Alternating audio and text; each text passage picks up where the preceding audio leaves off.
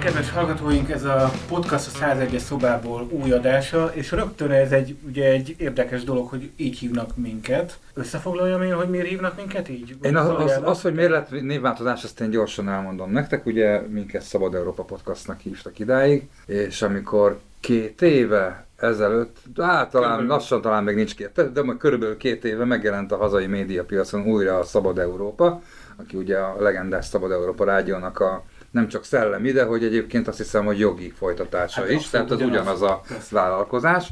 Um, akik ugye amerikai pénzből csinálják mindezt. Dollármédia. Dollármédia, mint Úgy tudjuk, nevezett. igen, így van. Akkor hát éreztük azért, hogy, hogy, a, hogy a név azért őket egy kicsit talán jobban megilleti, mint minket, és írtunk az összes platformon nekik egy üzenetet, e-mail, Facebookon írtam Igen, nekik, Messenger-t, az, az oldalra, meg, mi tényleg megtettem szerintem mindent, egy hosszú szöveget írtam nekik, hogy mi vagyunk mi, ezt és ezt csináljuk, és uh, tök szívesen beszélgetnénk arról, hogy most mi legyen ezzel a helyzettel, és senki a fülebotját sem mozgatta, míg egyszer csak, azt hiszem két héttel ezelőtt, volt az inkább másfél hónap, de igen. Jó, igen, oké, okay, az Áron kapott egy levelet, ugye, jól sejtem, a Szabad Európa egyik kiváló képviselőjétől, tehát a főszerkesztőtől a Vovec Tibortól jött. Vovec Tibortól, hogy, hogy hát kik vagyunk mi és mit keresünk itt a médiapiacon.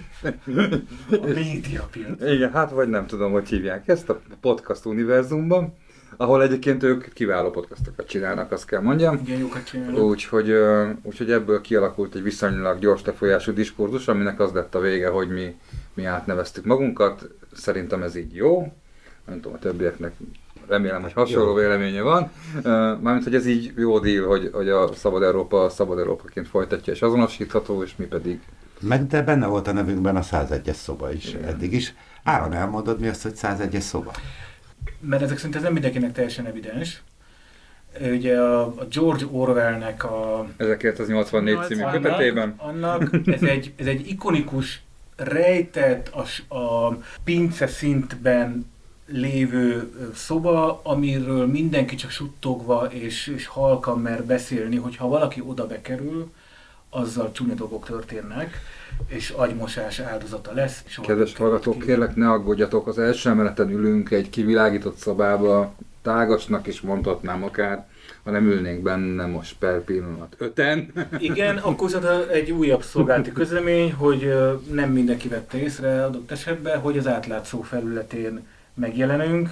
Mi társult podcastja lettünk az átlátszó. Társult? Vendégblog, vendégblog, vendégblog kategóriában futunk, mert a vendégpodcast valószínűleg hülyén hangzik. De nem, nekem tetszik. Az a lényeg, hogy nem lettünk újságírók, nem lettünk átlátszós újságírók, de a tartalmaink az átlátszó felületén is megjelennek. Örülünk az átlátszónak, az átlátszó örül nekünk kaptunk lehetőséget arra, hogy használjuk az átlátszó szerkesztőségében kialakított helységet, amit stúdiónak hoztak létre, ilyen, ilyen, ilyen szürke, hangvisszaverő vagy hangtompító felületek vannak a falon, és egy ilyen vastag, fekete terítő van az asztalon, úgyhogy nekünk ez nagyon szőnyeg van a szobában. Úgy tudom egyébként, hogy ezt egy kifejezetten stúdiótervezésre felkért hölgy alkotta ezt a kompromisszumot, ugye, hogy ez még tárgyaló is működjön, és stúdiónak ja, is alkalmassá okay, váljon. És, és ezért van mindenféle vastag függönyök az ablakon, meg az ajtón, úgyhogy egy picit áttett alakítva a helység arra, hogy ez így működőképes legyen, és van benne egy, egy nagyon komoly technika, amit bevalljuk őszintén, hogy elsőre nem sikerült beélesíteni, úgyhogy ez még a... De ez a mi hibánk. De ez természetesen a mi hibánk, és a legkövetkező adásra, amit itt veszünk fel, arra majd jobban fogunk készülni. No, viszont van vendégünk is. Sziasztok. Aki eddig nem menekült el a 101-es szobából. Mm, és meg megismerek szólalni, igen. Vendégünk Nagy Gergő. Gergő vagy Gergely? Gergő. Gergő, ez tökéletes. A Szikra elnökségi tagja. Igen, igen, a Szikra mozgalom elnökségi tagja vagyok. És mit kell rólad még tudni? Egyetemista vagy? És vagy dolgozol? Megtisztelő, megtisztelő a kérdés, és szerintem ez valószínűleg azért is van, mert, mert van egy ilyen percepció, hogy a Szikrának a tagjai azért többnyire a 20-as 20-as korosztályból kerülnek ki. Én szerencsére már túl vagyok ezen, ezen az életkoron, érett is vagyok és tapasztalt. Ezért um, vagy te elnökségi tag. Oh, oh. Megerősíteni és száfolni sem tudom. Igen, igen. Tehát uh, én zenei, zenei szervezőként, rendezvényszervezőként, eseményszervezőként dolgozom, és emellett tudom vállalni a, a Szikra Mozgalom elnökségi tisztjét. Erről szerintem annyit érdemes még így tudni, hogy öten vagyunk, akik ebben a pozícióban ö, döntéshozó szerepkörben szerepelnek a mozgalomban. Mit kell tudni a szikra mozgalomról? Be tudod mutatni e- egy-két percben, mert azt vélelmezik, hogy nem minden hallgatónk tudja így azonnal, hogy tulajdonképpen mi ez a szikra mozgalom. Én annyit röviden elmondok, hogy van már parlamenti képviselőtök is Jánbor András személyében, és az utóbbi időben sok nagy média visszhangzott kiváltó eseményt is szerveztetek, tehát hogy, hogy az egyszeri közéleti híreket fogyasztó ember is már találkozhatott a nevetekkel. Igen, igen, szóval a, a szikra mozgalom, ahogy, ahogy te is mondtad, most már egy három és fél éves múltra tekint vissza. Mi nekünk is volt egy, egy névváltásunk, a Szabad Budapest néven alakult még, még, még a kezdetekben, ez 2019-re a rabszolgatörvények utáni megmozdulások által sokakban kiváltott ö, csalódottság és a tapasztalatoknak a, a, a konstruktív irányba való de aztán Szabad Budapest szólták egy e-mailbe, hogy ne Szabad Budapest. hogy ne legyünk szabadok. Igen. Nem, nem erről. A nem. ezt tudta, ezt elmesélte nekem. Nagyon, nagyon a okos. A nagyon okos, a, a ChatGP-nél csak az a baj, hogy már meg is, meg is szűnt a szikra 2020-ban. Um, tehát én, erről, én vagyok ott, tehát ugye ti sokkal jobban jártak.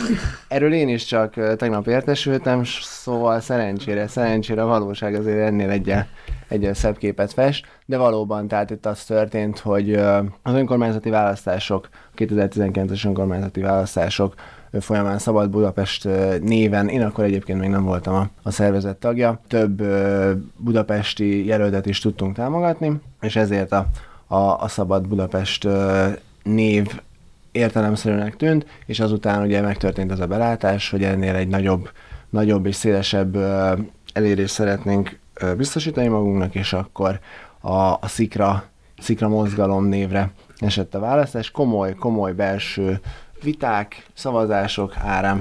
Én ma már hallom, vagy nem ma, múlt héten olvastam, hogy ez igazából a a tanácsköztársaság hivatalos lapjának a neve, vagy nem tudtam, már ilyen, már a Bohár Dani félék már így megtaláltak. De a szikra az gyanús, mert a szikra tüzet gyújt, tehát lehet, hogy ti igazából... Elég csak egy, elég csak egy szikra, ugye? De sok, sok szikra, még több Szerintem is. Szerintem nagyon menő ez a név egyébként, tehát ez, ez, szerintem ez egy, ez egy ügyes név, én azt gondolom. De ez egy ilyen forradalmár név, tehát akkor hát igen. azért, hogy mondjam, a politika csinálás és a forradalom csinálás, az nem feltétlenül azok a célok. Szerintem ti változtatni akartok a rendszeren. Nekem valami az súgja. Vannak erre külön megfejtések, tehát azt is, azt is el lehet mondani, hogy addig, addig ütjük a rendszert, amíg nem szikrázik, de alapvetően a szikrából láng is tud lenni, tehát ezek, ezek, a, ezek a képzelettársítások megtörténnek, én tényleg erre azt gondolom, és tényleg a név eredetéről is egyébként számtalan és számos feltételezés megjelenik az interneten, szerintem, szerintem én annyiban ezzel meg tudok elégedni, hogy ez érdekli az embereket, izgalmas, tehát ezt nem is, nem is részletezném. Tehát a név már attól jó, hogy beszélnek róla, nem feltétlenül kell, hogy tükrözze a céljaitokat. Mm, de még jobb, hogyha tükrözi is, igen. De akkor tükrözi, mert akkor én, ahogy értem, az talán konszenzus volt, hogy akkor a szikra egy ilyen egyszeri, nem tudom, mint hogyha valami célból alakulna, ami célt, hogyha elérsz, akkor utána vége van a bulinak. Igen, Miközben igen. A, a pártpolitizálás nem feltétlenül lesz, tehát hogy ez egy hosszabb távra tervező dolog. Én akarom, de ezt, mm-hmm. erre kérdezzünk rá. Pontosan. Én, én, ti nem vagytok párt, ti mozgalom vagytok. És ez egy nagyon fontos különbség egyébként. MZP igen. is így kezdte. Aztán látjuk, hova még jutott. Nem, még nem látjuk, hogy hova jutott, de azt olvasom rólatok, hogy egyre még egyetlen nem fontolgatjátok, hogy párt alakultok, és hosszú távon terveztek. De ez mit jelent ez a hosszú távon való tervezés? Igen, igen, tehát szerintem azt Zoli azt nagyon, nagyon jól mondta, hogy igen, a, a, a szikra az egy, az egy önmagában fellobbanó dolog. Szerintem mi a mozgalomra egyébként határozottan így gondolunk, tehát most jelenleg ezek között a keretek között tudjuk elképzelni, hogy összegyűjtjük azokat a tudásokat, energiákat, amik, amiket még mi, mi magunk sem tudunk feltétlenül átlátni, hogy, hogy hova lehet csoportosítani, de a pártpolitikában, alapvetően a pártpolitikának ennek a részével egyelőre ilyen formában nem tudunk, és nem is szeretnénk foglalkozni. Hát a, a mozgalmi keretek jelenleg sokkal nagyobb mozgásteret biztosítanak számunkra, sokkal szabadabban és kreatívabban lehet értelmezni a politikát, mint amit a, a pártpolitika az megenged manapság Magyarországon szerintem. Mert ti beütköztetek azokba a korlátokba, amit a másképp fogalmazom a kérdést, vagy nem is kérdés igazából. Szóval, hogy én, én, én magam is találkozom azzal a jelenséggel, hogy kifejezetten közéleti dolgokból ö, civil kezdeményezések kizárják a pártpolitikát. De mondván, hogy ne gyertek ide, mert akkor az csak mindent elrontatok nekünk. És hogy azzal... Ugye, bocsánat, hogy közben, de ugye pont tegnap a debreceni civilek az akkumulátorgyár kapcsán hosszan fejtegették, hogy őket konkrétan akadályozza a párt, párt politika mm. és a pártok és a pártpolitikusok, bocsánat. Nem, csak kérdés igazából az, hogy, hogy ti ezt tudatosan próbáljátok ezzel megkerülni ezt a problémát, és találkoztatok vele, vagy, vagy valami más cél van annak, hogy ti mozgalom maradtatok, és nem párt? Ez, ez, egy, ez egy létező jelenség, és ez egy szomorú jelenség egyébként szerintem. Tehát mi a, a, a politikát, ugye a képviselet mentén képzeljük el, és annak szerintem nagyon fontos része egyébként, hogy, hogy a, a, a bizonyos ügyek körül csoportosuló és dolgozó civil szervezetek, mert átaláljanak azokra a képviselőkre, politikusokra, akik, akik nagyobb, nagyobb és átfogóbb értelemben tudják ezeket az ügyeket képviselni, tehát az, hogy a jelenlegi felállásban ez nem tud megvalósulni, azt szerintem az egy olyan, olyan jelenség, ami, ami szomorú, és ezen mindenképpen szeretnénk változtatni. A, a mozgalmi jelleg az pont az, azt tükrözi a mi, értelmünk, mi értelmezésünk szerint, hogy ezeket a single issue vagy legalábbis koncentráltan bizonyos ügyek mögött csoportosuló lelkesedést, energiákat szélesebb körben összekösse. Tehát szerintem azzal nagyon sokan találkoztak az utóbbi egy évben is akár, hogy, hogy egymással párhuzamosan, de egymástól élesen elkülönülve futnak hasonló irányú elégedetlenségek, tüntetések akár, és hogy ezeket nem lehet összekötni, nem történik meg az a szolidaritás a különböző szereplők között, hogy, hogy együtt tudjanak tovább menni, és ezért jellemzően azok a tapasztalatok, amik felhalmozódnak egy-egy ilyen csoportosulás körül, azok nem tudnak aztán összeérni és, és nagyobbá nőni. Kihagytunk az elején egy lépést hogy a szikra mozgalom az milyen ideológia mentén gyűjt mozgalmárokat, mit képviseltek, mit gondoltak a világról, amiben szikrát akartok gyújtani. Tehát igen, igen, igen. kik vagytok? Um, szerintem még sok, sok fontos mozgalat is kimaradt, és akkor, ha megengeded, akkor lehet, hogy arra fogok kanyarodni, hogy az a politikai cselekvés, amit mi képviselünk, az, az milyen utakon tud ö, utat találni a mai magyar politikai szintérbe, közbeszédbe, és, és akkor abból én erre a kérdésre talán úgy tudnám könnyebben megadni a választ, hogy mi az, amit csinálunk, és ez, ezzel milyen változást tudunk és szeretnénk is elérni közép és hosszú távon is. Amikor megalakult a szikra, és alapvetően ugye az elégedetlenség, ami a 2019-es rabszolgatörvények kapcsán kialakult, és aztán viszonylag gyorsan félrevitt és elhalt elégedetlenségi hullám következtében. Sokan egyébként szerintem azt kijelenthető, hogy az elmúlt tíz évben azért ellenzéki térfélen, a bal oldalon is azért jelentős tudás és tapasztalat is felhalmozódott különböző szervezeteknél, amik nem tudtak utat találni, és akkor ezzel kapcsolatban történt meg összefogás, nem egy baráti társaság, nem egy, egy kis kis egyetemista csoport, hanem a, a, a közegnek, a, a szintérnek több szereplője között, hogy együtt érdemes és hogyan érdemes a felhalmozott csalódásokból és negatív tapasztalatokból, hogy hogyan, érdemes egy politikai szervezetet építeni. Ennek kapcsán szerintem majd erről is tudunk beszélni, de nyilvánvalóan ebben a szintérben, tehát a baloldali közegben azért vannak nekünk természetes szövetségeseink, vannak olyan olyan ö, tudások, amikhez ö, tudunk és szeretünk is nyúlni, de politikai szervezetet úgy érzem, hogy eb- ebben, a, ebben a helyzetben ö, értelmezhető csinálni. A Szikra mozgalomnak a első három évének a jó részét kitette egyébként a, az országgyűlési választásra való felkészülés, és akkor itt a Jánbar András neve, ami már elhangzott, aki a Szikra képviseletében és képviselőjeként az előválasztáson, itt a 8.-9. kerületben egyébként, ahol éppen, éppen most is vagyunk, um, el tudott indulni az előválasztáson, és aztán utána annak a sikeres megvívása után egy olyan kampányba tudtunk elkezdeni a, a, a szikra erőforrásait és különböző szövetségeseknek erőforrásait igénybe véve, ami aztán egy országgyűlési választási sikerré kovácsolódott. A mai napon pont egy éve egyébként, ez az április harmadika, ez Kinek siker, kinek kudarc az április három. Ez egy fontos, ez egy fontos kérdés, igen. Tehát akkor, bocsánat, hogy még megint nálam van a szó, tehát mert nem minden hallgatónk feltétlenül emlékszik arra, tehát itt volt 2018 decemberében, 2019 januárjában ez a bizonyos rabszolgatörvény elleni megmozdulás, amire utaltál. Igen, igen. Emlékeztek arra, akkor volt, sorozat. hogy megmozdulás sorozat, tüntetések voltak, ez volt az, amikor bementek képviselők a, az MTVL székházába, és akkor betöltötték egy éjszakát talán, meg ominózus jelentek voltak, ajtónak neki menés, meg, meg ilyesmi. Ez kurva jó lesz a kép. a TV székház Igen, oldal.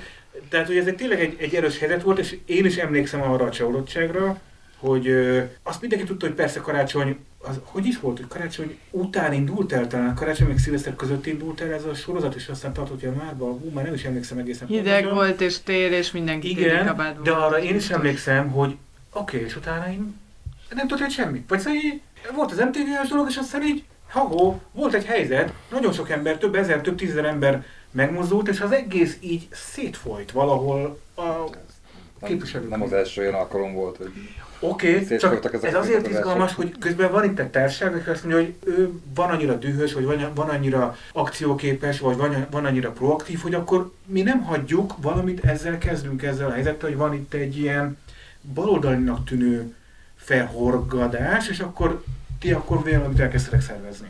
Igen, igen, és szerintem az is sokat mondó, hogy, hogy ez többször felmerül, és, és, a, és az általános emlékezetben tulajdonképpen csak ezek a ezek a médiába is bekerülő természetesen ez, ez, ez a természete egyébként a, a, a, média, a médiatizált politizálásnak, de szerintem az egy fontos látlelet volt, hogy pont azzal kapcsolatban, ami miatt ez, a, ez az egész elégedetlenség kialakult, és pont azokat, akik, akikről szó, lett, szó, szó kellett volna, hogy legyen, azokat nem tudta képviselni egyetlen olyan ö, létező és, és, és a politikában jártas erő, ki meg tudta volna hosszabbítani ezt a fajta kiállást, és pont ez volt az a, az a, az a pont, amikor, amikor többekben összeállt ez, ez az egész, hogy anél képviselet nélkül nem lehet ezeket az ügyeket messzebbre vinni, annál, mint hogy, hogy, hogy valaki a, a tévében mit és mit nem csinál, ugye. De szeretném hozzátenni, hogy nyilvánvalóan ez mindenki azokkal az eszközökkel dolgozik, amik a rendelkezésre állnak, tehát ez, ez, ez a kritika, ez, ez ebben, a, ebben a kontextusban értendő. Tehát nyilván a, amióta a politikai szervezet vezetésében veszek részt, és, és politikai cselekvésben gondolkodunk, nyilvánvalóan mi is számtalan alkalommal találkoztunk azzal, hogy nem, nem a világ legegyszerűbb dolga. Hogyan lehet átütni a, a, a közbeszédnek a, a határát? Um, volt, ahol sikeresen azt az üzenetet képviselve tudtuk ezt megtenni, amit, amit szerettünk volna kiangosítani. Mi itt az elmúlt uh, percekben ugye két kérdés fogalmazódott meg bennem, hogy ha jól értettem, akkor ugye a rabszolgatörvények kapcsán kialakult elégedetlenségi mozgalmak elhalása ösztönzött titeket arra, hogy a, hogy a mozgalmat megalakítsátok. Tudnál olyan példát, tevékenységet mondani, ami, hogy mi mellé állt a szervezetetek a, az azóta eltelt időben, hiszen azért azóta voltak, csak a legutóbbi, leghangosabb dolog ez a tanár tüntetés sorozat, ami szintén elhalni látszik. Hát elhalni látszik most. Igen, tehát hogy eléggé... Itt a, itt a zebrán még hetente egyszer kimegy tüntetni reggelente, szedd reggelente. Igen, a lányom iskolájába is már teljesen elhalt, pedig az elején ők is kint ültek ott a harmadik kerületbe bőven. Tehát, hogy tudnám mondani olyan dolgot, hogy például ebbe bekapcsolódtatok-e, vagy pedig egyáltalán, hogy azóta, ami adta ezt az instrukciót nektek, hogy ezt a mozgalmat létre kell hozni, hogy azóta az merre indult, vagy hol tart, vagy mit csinál? Abszolút, és szerintem ez egy, ez egy pont, pont egy olyan, olyan kérdés, ami amikor, és akkor most már tényleg többször beszéltünk 2009-re, vagy 2019-re, ez, ez, ez az egyik dedikált cél is volt, hogy amennyiben ugye hasonló helyzet előfordul, akkor hogyan lehet abban tevékenyen részt venni. És egyébként én azért még nem, bár, bár értem, de én azért nem vetnék keresztet a, a, a, a most is jelenleg is zajló elégedetlenségekre, bár nyilvánvalóan ugye az elmúlt egy évben, tehát azért a, a, a, a tanártüntetések elmúlt egy éve is számos tapasztalattal is szolgált egyébként, és még zajlik is, és mi is részt vettünk egyébként tudásunkhoz és erőforrásainkhoz mérten ebben a, a hullámban. viszont azt is hozzá kell tenni, hogy ez a tavaly nyári események, mert én tavaly nyári eseményekről beszélnék, amikor szerintem, szerintem először beindult ugye a, a választások után szerintem azért hónapokig, hónapokig tartó apátia, először ugye a, a kata tüntetések, a rezsi, ami, ami felmerült annó, és akkor ott is ugye, ami, ami végül ebből így tapasztalatként kiderült, az, az a nyárvégi futárok körüli, talán szerintem így, így tudott megmaradni az emberek emlékezetében ez a fajta tüntetés hullám, és aztán utána a, a, a tanároknak a, a kezdeményezései. Tehát szerintem ezek, ezek olyan pontok, amik, amik értelmezhetően felmerülnek, hogy hogyan lehet hozzájuk kapcsolódni. Szerintem ott is az volt a, a legfőbb probléma, hogy ezek, ezek nem tudtak összekapcsolódni. De ilyenkor ti, ti, nem tudom, facilitáljátok ezeket a szereplőket, hogy egymással beszéljenek, próbáljátok, tehát ti segítitek ezt a folyamatot, hogy összekapcsolódjanak? Igen, igen, tehát mi szerintem pont ezt a szerepet tudjuk itt be, betölteni hogy azokat a szereplőket megkeressük, akik, akiket, akiknél mi úgy érezzük, hogy szakszerű tudás, van ezeknek a helyzeteknek a kezelésére, megoldás, hát megoldására, de legalábbis kezelésére, és akkor ezt a platformot igyekezzük szolgálni. De volt olyan eset az elmúlt időszakban, ahol ez a platform létrejött és működni kezdett? Tehát tudsz erre példát Igen, mondani? igen, igen. Tehát konkrétan um, most el kell gondolkodnom, hogy, hogy vajon ez mennyire bizalmas információ ez, ezen a Értem. ponton. Annyi, figyelj, annyit mondasz el ebben a podcastban, amennyit akarsz, ugye csak 5-6-an hallgatjuk ezt itt. Ez zárójel mióta összevonták az Encore felületet a Spotify-jal, megjelent 690 plusz hallgató. Nagyszerű. Csak úgy mondom. Nagyszerű. Tehát, hogy alig, alig hallgatják, csak nyugodtan. Igen, igen, szerintem az, az fontos, és ez erről is volt már szó, hogy van egyfajta averzió a, a pártpolitikusokkal uh, szemben, és szerintem ezen a ponton a, a mi képviselőnk Jámbor Andrásnak a, a neve az pont egy olyan olyasfajta garancia és egy olyan, olyan fajta kapocs, amihez előszeretettel ö, nyúlnak azok a szervezetek is, akik amúgy a pártpolitikát kifejezetten elutasítják, tehát ugye ez, ez egy olyan szelep, amit mi tudunk használni. Tehát akkor ti dolgoztok így a háttérben, vagy hogy mondjam, egy finomabb eszközökkel, ezt értem. De például én emlékszem, decemberben csináltatok azt, amikor egy kaszon előtt tüntettetek. Ez például egy olyan típusú eszköz, ami egy sokkal látványosabb eszköz, és, és valami fajta baloldali, nem tudom. Abszolút baloldali, tehát hogy ennél baloldaliban. Mármint, hogy azért keresem forradalmi és baloldali. Igen, tehát, hogy ne komcsizd el azért, azért. Lehet, hogy egyébként a dicsérni, dicséret Lehet. Ezt nem tudom. De hogy az egy, az egy erősen baloldali kiállás volt. Miért baloldali dolog ez? Azon túl, hogy a kaszinókat nem szeretjük, azt értem. Tehát, hogy az, például mi volt az üzenetem, mert szerintem az például nem jött át a médiában. Az átjött, hogy ott vagytok. Az átjött, hogy erős a kép. Tehát, hogy a NER kaszinó igen, igen. Izé, az, az, menő. Az, az, nagyon. Az menő. De hogy ebben a baloldaliság az hol van, igen, igen, igen, ez szerintem egy nagyon jó ö, pont a beszélgetésben arra, hogy bedobjam azt a, azt a szlogánt, ami szerintem a Szikrának most már az elmúlt fél évben, és még, a, és még a, az előrelátható jövőben is szándékunk szerint meghatározza a működését. Ez a megjelenés, amire te utaltál, ez a Fizessenek a gazdagok kampányunknak a, a kezdő eseménye volt, és akkor itt december elején egy hétről beszélünk, amikor megpróbáltunk minden nap megjelenni különböző ö, pontjain a, nem is a városnak, hanem azt, azt a belépési pontot kerestük a politikai cselekvésre, ahol rá lehet mutatni azokra, azokra az intézményesült egyenlőtlenségekre, ami szerintünk meghatározza ezt a társadalmat, a gazdaságot, és, és, és, és minden pontján a, a, az itt élő emberek életének, és ennek az első pontja és a meghatározó része volt a kaszinók. Ugye itt nem feltétlenül a kaszinók intézményével, bár szerintem arról is egyébként sokat lehetne beszélni, hogy a szerencsejáték és a kaszinók intézményileg mit létesítenek és mit jelenítenek meg egy társadalom életében, de itt szerintem az sokkal fontosabb üzenet volt arra rámutatni, hogy a, a, a kaszinóknak a koncesszióba vételével, ami egyébként szerintem a, a kifejezetten a mi kampányunknak az egyik eredménye, hogy azóta gazdát cseréltek a, a, a kaszinók, ugye most az egyik zsebből már a másik zsebbe vándoroltak át, tehát most nem is tudom, hogy... De menj... Szalai Bobrovnici volt korábban? Igen, igen, a Garancsi, és most már Tiborc, tehát, hogy itt, itt rendkívül nagy változások. rendkívül... Gratulálunk, nagyon jól csináltátok. Rendkívül nagy változások, de szóval szerintem a, a, a, a kaszinók esetében és a kaszinó, kaszinó blokkolás esetében az volt a kifejezett célunk, hogy rá tudjunk mutatni arra, hogy az, az a, az a bevétel, ami egyébként nem kerül vissza az államkasszába, az egyébként óránként is kimutatható és kézzelfogható különbség azzal kapcsolatban, hogy mit lehet azzal a pénzzel tenni, és egyébként ugye az, az akkori szlogenünk szerint is két millió forint volt az, amit a, amitől óránként egyébként elesik a magyar, magyar állampolgárok összessége, azzal, hogy a, a, a kaszinók után mivel magánkézben vannak koncesszióban, ezért az adóbevételektől ennyi, ennyi pénztől tudunk elesni Napi óránként. Igen, igen, igen. Azért ez nem kevés. Szerintem itt nem az a lényeg, hogy mennyi, Tudom. hány millió, hanem inkább a, a, rá, ez egy jó a, a rámutatás a probléma igen, egyik a, a, manifestációjára. Nagyon szép nyílt ollójú társadalom nyilvánvalóan.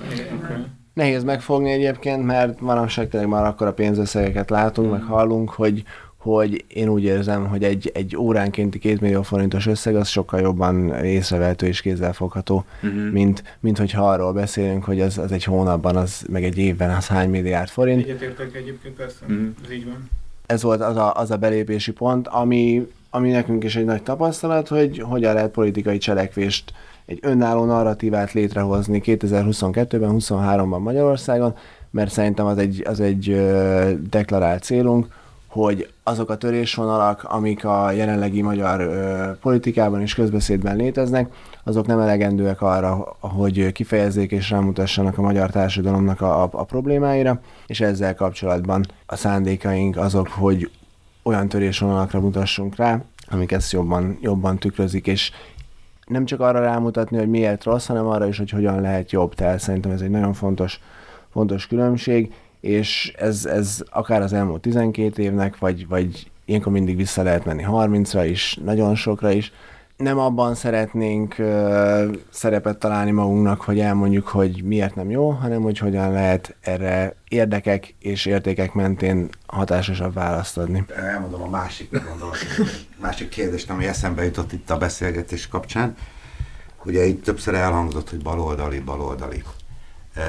Én amikor készültem erre az adásra, akkor itt olvastam tőletek, meghallgattam veletek riportot, és ott elhangzott ez az új baloldal kifejezés. Meg ugye hát tudjuk, hogy van az óbaloldal, azt még mit sokan megéltük, ahol, ugye nem titok, én a rendszerváltás előtt már valamennyire felnőtt voltam, tehát hogy mit jelent az a kifejezés, hogy új baloldal, illetve meg tudjátok-e határozni a különbséget a úgy, úgymond óbaloldal, vagy a régi szocialista rendszer, ami szintén baloldalinak mondta magát, va, ö, és a, a mai baloldali rendszer, vagy mozgalmak között. Tehát, hogy tudsz erről egy pár mondatot mondani? Illetve, bocsánat, hogy ez elhatárolódást jelente. Tehát Igen, tehát hogy az új baloldal valószínűleg azt gondolom, hogy elhatárolódást jelent, de hogy számotokra is azt jelenti -e. Hát én azért, hogy mondjam, Értem. amikor én hallom ezt a szót, akkor kifejezetten egy elhatárolódást gondolok mögé, de kíváncsi vagyok, hogy egyébként ti is azt gondoljátok-e. Akkor most már én is mondom. Hozzáteszem a magamét. Tűrber Gyulától? Hogy nekem, mint balol, ha az, azt a szót hallom, hogy baloldal, nekem eszembe nem mint 1995 Kádár korszak meg ezért. Tehát egyáltalán nem. Tudom, hogy, hát az e, nem is, hogy ez jön de a DKMSP viszont igen. Nem? Az igen, de a, de a 90 előtti egyáltalán nem, és nyilván ezzel jön igen. A, a, a, a, a, rendszer revolver médiára, nyilván ezzel jön, hogy ne hmm. ezek a Lenin fiúk, meg Kádár fiúk. Szerintem a igen, de, de hogy... a modernkori politikai paletta felosztást azt egyikét se lehet lefordítani a, a, ezekben a diktatúrákban lévő világos, politikai berendezkedésre. Szerintem adjuk meg a lehetőséget. az új Ha már meghívtuk, ha már meghívtuk akkor ne mi okoskodjunk. Természetesen igyekszem válaszolni. Ezek nagyon, nagyon pár mondatban kifejthető kérdések. Ez semmi, semmi súlya. csak. Persze, ez, ez, igen, szóval akkor itt tényleg itt felmerül a kérdés, hogy mennyi, mennyi ideig szándékozunk itt ülni. Az új baloldal kifejezés, mint olyat, én, én a szikrámból nem feltétlen van használatban, tehát ez valószínűleg, valószínűleg itt olyan kifejezésekről beszélünk, amiket előszeretettel mondanak ránk, de nem feltétlen tartjuk mi azt hangsúlyosnak, hogy, meg, meg fontosnak, hogy ilyen szinten identifikáljuk magunkat. De igen, sok, sok kérdés felmerült, próbáltam jegyzetelni. Szerintem alapvetően itt akár, ha generációs kérdésről is beszélünk, a szervezeten belül itt az alapvető baloldali tapasztalat ugye az a fajta 90-es évek utáni 2010-ig bezárólag. 2010 bezárólag, illetve hát azóta is ugye zajlik a, a politizálásban egyfajta, egyfajta politika. Itt uh, szerintem alapvető tapasztalatként azt a fajta neoliberális gazdasági uh, működést, amit a, a 90-es, majd a 2000-es években a, a, a baloldali szereplők és, a, és, a, és az utód pártnak a képviselői tettek magukével, szerintem az az, az, ami a leginkább hangsúlyos a mi politikai tapasztalatainkban és megéléseinkben, illetve hát nyilván a, a, a baloldal kérdésekor felmerül, hogy az a fajta eltávolodás, amit a, a politika és a, és a képviselői, és azok, akik, akiket képviselni lenne hivatott egy baloldali politikus, az mennyire távolodott el egymásról az elmúlt, és akkor megint csak mondhatnék 150, vagy nem tudom hány évet, tehát ez egy olyan alapvető probléma, amit szerintem nem most ebben a, ebben a keretek között fogunk megoldani, de hogy a, a szikrán belül el, azt elmondhatom, hogy erről zajlik a gondolkodás, és hogy pontosan pontosan ezek azok a, ezek azok a lenyomatai az, a minket megelőző rendszereknek, amikkel kell is tudni szembenézni, és, és, és foglalkozni és foglalkozunk is. Vérmérséklet kérdése, de, de nyilvánvalóan a, a, a rendszerváltás előtti korszak az így semmilyen szinten nem jelenik meg előképként a, a, a szikra működésében. Tehát akkor, ha jól értem, akkor az óbal oldal számotokra a rendszerváltástól a 2000-es 2010-es évekig tartó. nem jutott a végére a gondolatnak.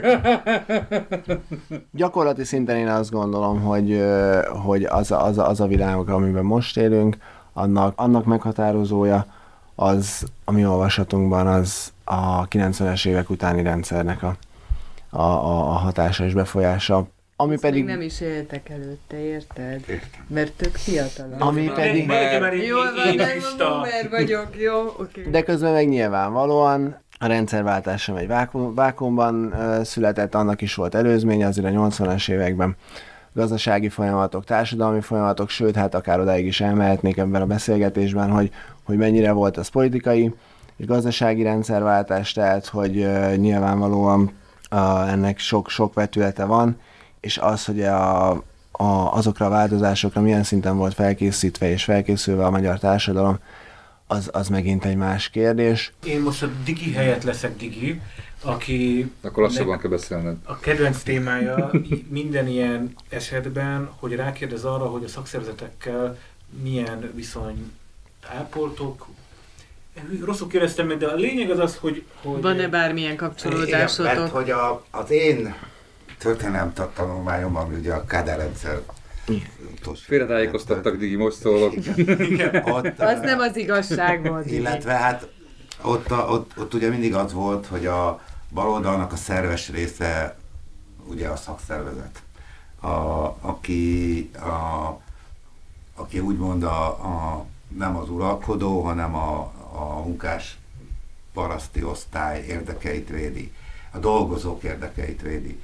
Tehát, hogyha nekem, ez kérdés ez teljesen egyenes arányos azzal, hogyha ti barát, vagy baloldali mozgalomnak nevezitek magatokat, akkor van-e valami kapcsolat a szakszervezetekkel, illetve tudtok-e együtt dolgozni, összeadni azokat a erőforrásokat, ötleteket, ami... Van-e most kivel együtt dolgozni például? Fölteszem egy, egy, ugyanezt egyel konkrétabban. Eszembe jut a Komját Imrének az akciója, amikor oda ment az Esztergomi Suzuki gyárhoz, és azt hiszem tényleg napokon keresztül tulajdonképpen tüntetett és felhívta arra a problémára a figyelmet, hogy az Esztergomi Suzuki gyárban nem engednek szakszervezetet létrehozni.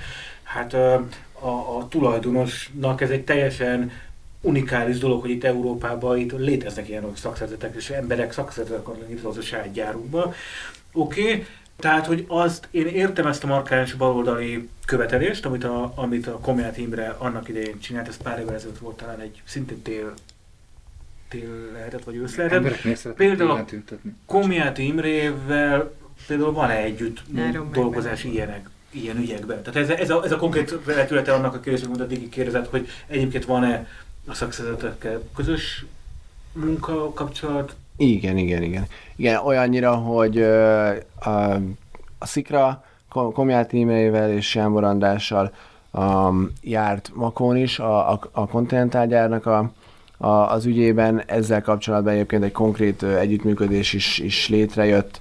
Ez most már több mint egy évre nyúlik vissza, lassan egy évre nyúlik vissza, de szeptemberben egyébként szikrások részt vettek a, a makói kontinentálgyárnak a szakszervezeti gyűlésén, és ezt mindjárt kifejtem, tehát itt csak arra akarok, arra gondolok, hogy egészen más szinteken is zajlik egyébként a szakszervezetekkel kapcsolatfelvétel és együttműködés, de hogy projektszerűen ez például egy olyan kivetülése volt, hogy Makón kifejezetten a, a szegedi kontinentálgyárral szemben egy ö, egészen másfajta viszony ö, létezik a, a tulajdonosok és a, és a dolgozók között, és akkor ennek a, ennek a kapcsolatnak az építése, az, az tényleg egy, egy éven keresztül zajlott, ami után azt, azt a konkrét cselekvést tudtuk létrehozni, hogy a, a Mérce újságíróinak a, segítségével Franciaországból egy korábbi szakszervezeti szervező Magyarországra tudott látogatni, aki a 2000-es években egy sikeresen lezajló sztrájk hullámnak a,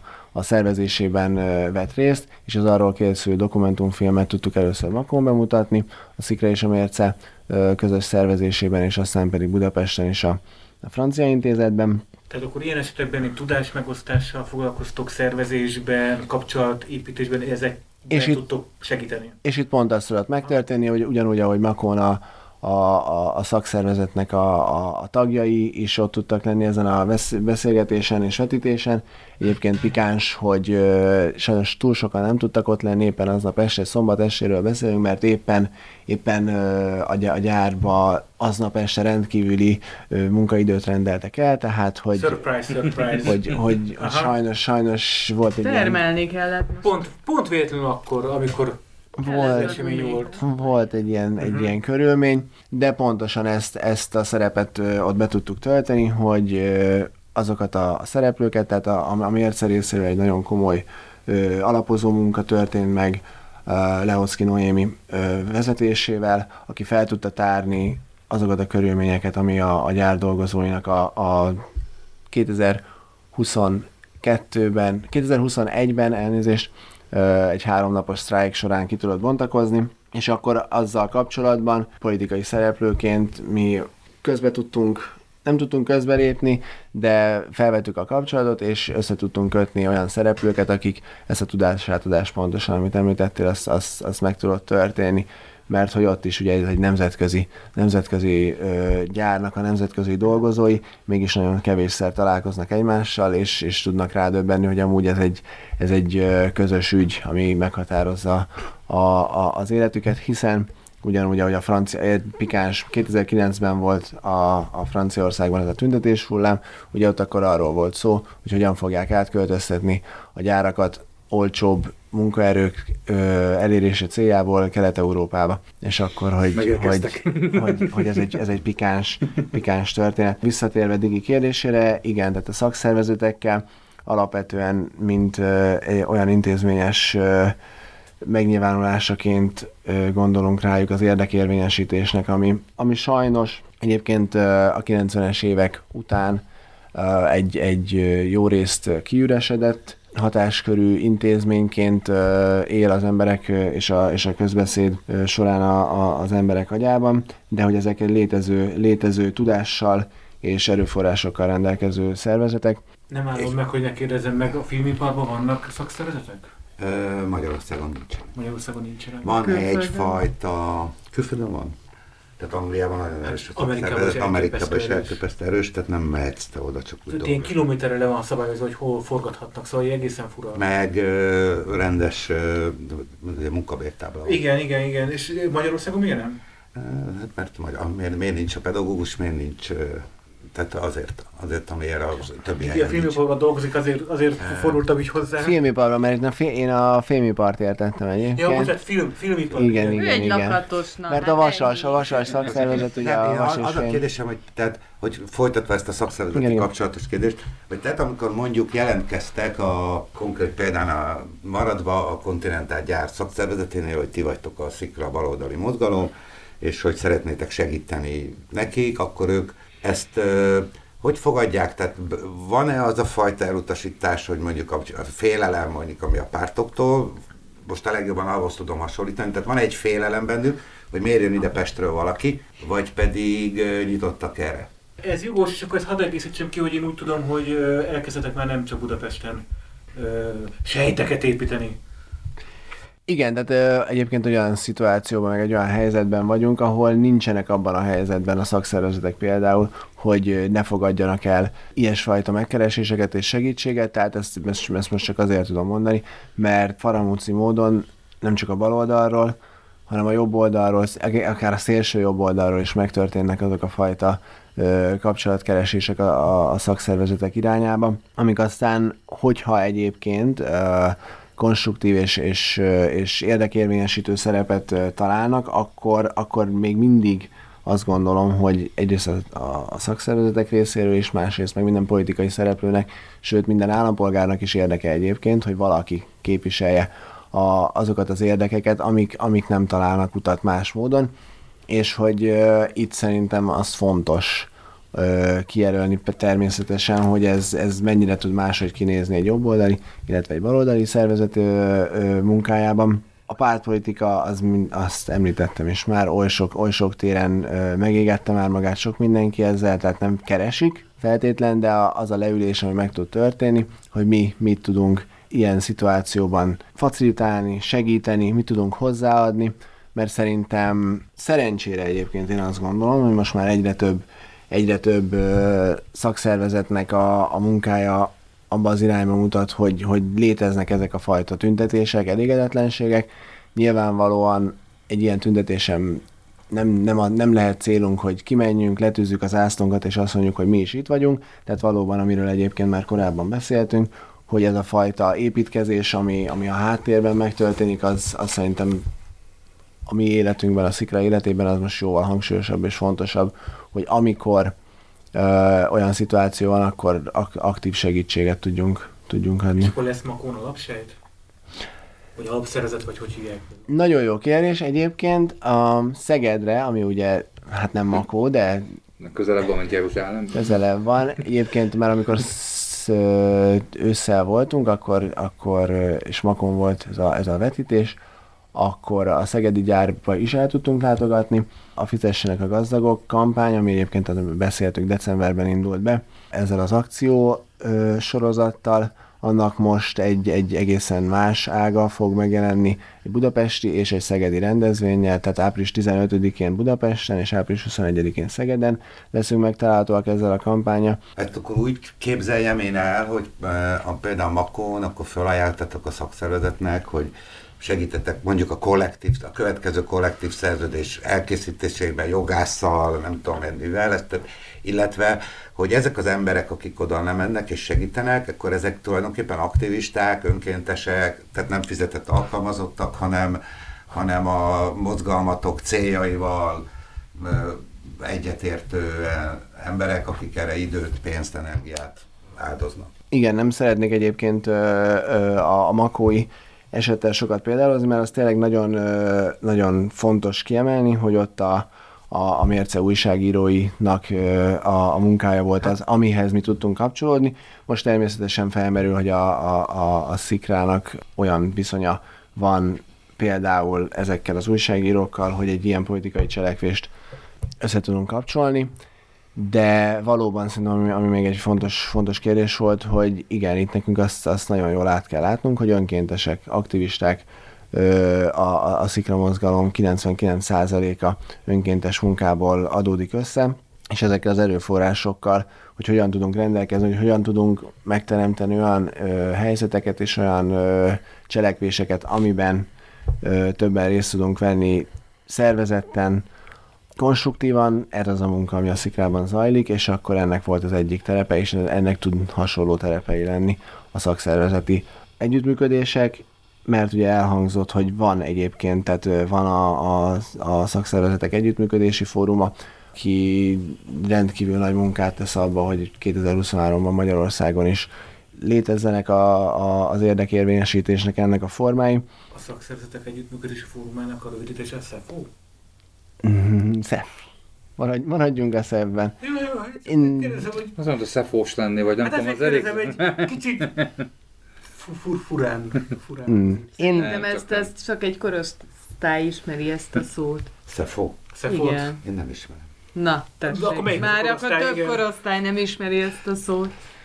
A, azt majd akkor nézd meg a Révai Nagy Lexikonba és, és lapozzunk, mert ez nem... Igen, szerintem, szerintem nem. ponton felmerül ez a kérdés, hogy hát mi bűtelik rá? Mert hogy van persze a lelkesedés, meg az ember igen, még igen, leutazik igen. makóra a vonattal, és azt mondja, hogy beáldozom a 3000 forintot, de hogy azért egy mozgalomhoz pénz kell. De ez egy, ez egy nagyon jó kérdés, és pont itt a, tehát a, a, a, az egyesületi formában működünk, és a, és a mozgalomnak egyébként van tagdíja, tehát minden, minden tag tagdíjat fizet, és ez szerintem az elköteleződésnek egy olyan, olyan kézzelfogható megjelenülése is, hogy nyilvánvalóan szerintem az egy, az egy nagyon nagy tapasztalat a, a mi szervezetünk életében és a, és a politikai cselekvés életében is, hogy pénzből, pénzből működik. És De hogyha... ez a tagdíj most még elég a működésetek. Igen, igen, és ez az operatív működésnek a, a, a nagy részét le tudja fedni. De Tehát... akkor ilyen amerikai tagok, akik mikroadományokban tagként így jönnek, és aztán keres, keresgetjük őket, az, az most nincs. Svájci alapítványokon keresztül? Igen, nem, még, még nincsen még külföldi tagunk, ez, ez, ez való igaz, igen, igen, tehát csak magyar tagjaink vannak. Mondjuk pénzt külföldről, ez mondjuk ez jó hír. Egészen addig, amíg majd mindjárt majd módosítják ezt a törvényt is, igen. Igen, ne adjak tippeket senkinek, bocs. Igen, igen, ez, ez, Áron, ezt kérlek, vágt Nem, mert ezen túl vannak már, azt hiszem be, bejön a parlamentéri. Igen? Valami ilyesmi, igen.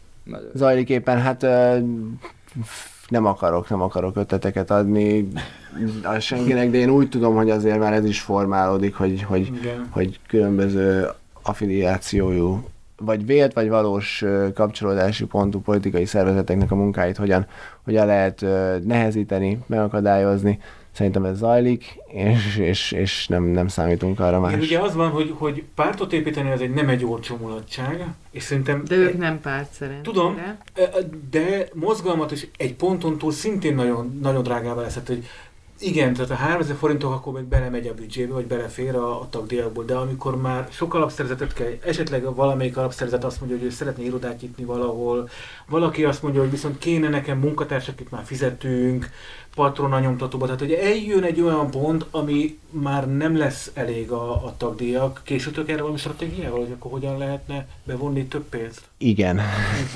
Köszönjük igen, a, a válasz igen, de természetesen hát ez egy olyan olyan... De előbb-utóbb csak azt akarom mondani, hogy szintet lépnek a szervezetek, és, és erre tudatosan kell készülni, mert én azt látom a, a sok szervezetnél Magyarországon, hogy a, ezekre a szintet lépésekre nem készülnek stratégiailag.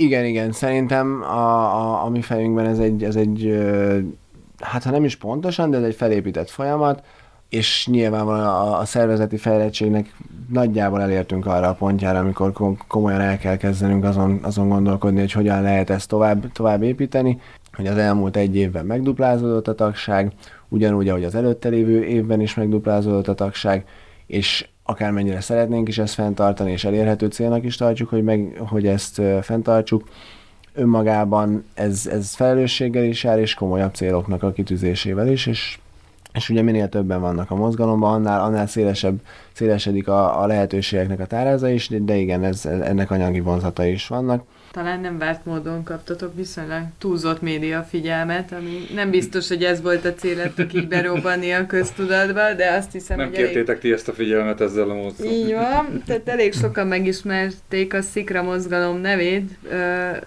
ráadásul egy bűncselekménnyel összefüggésbe, amit gondolom főleg nem szerettetek volna.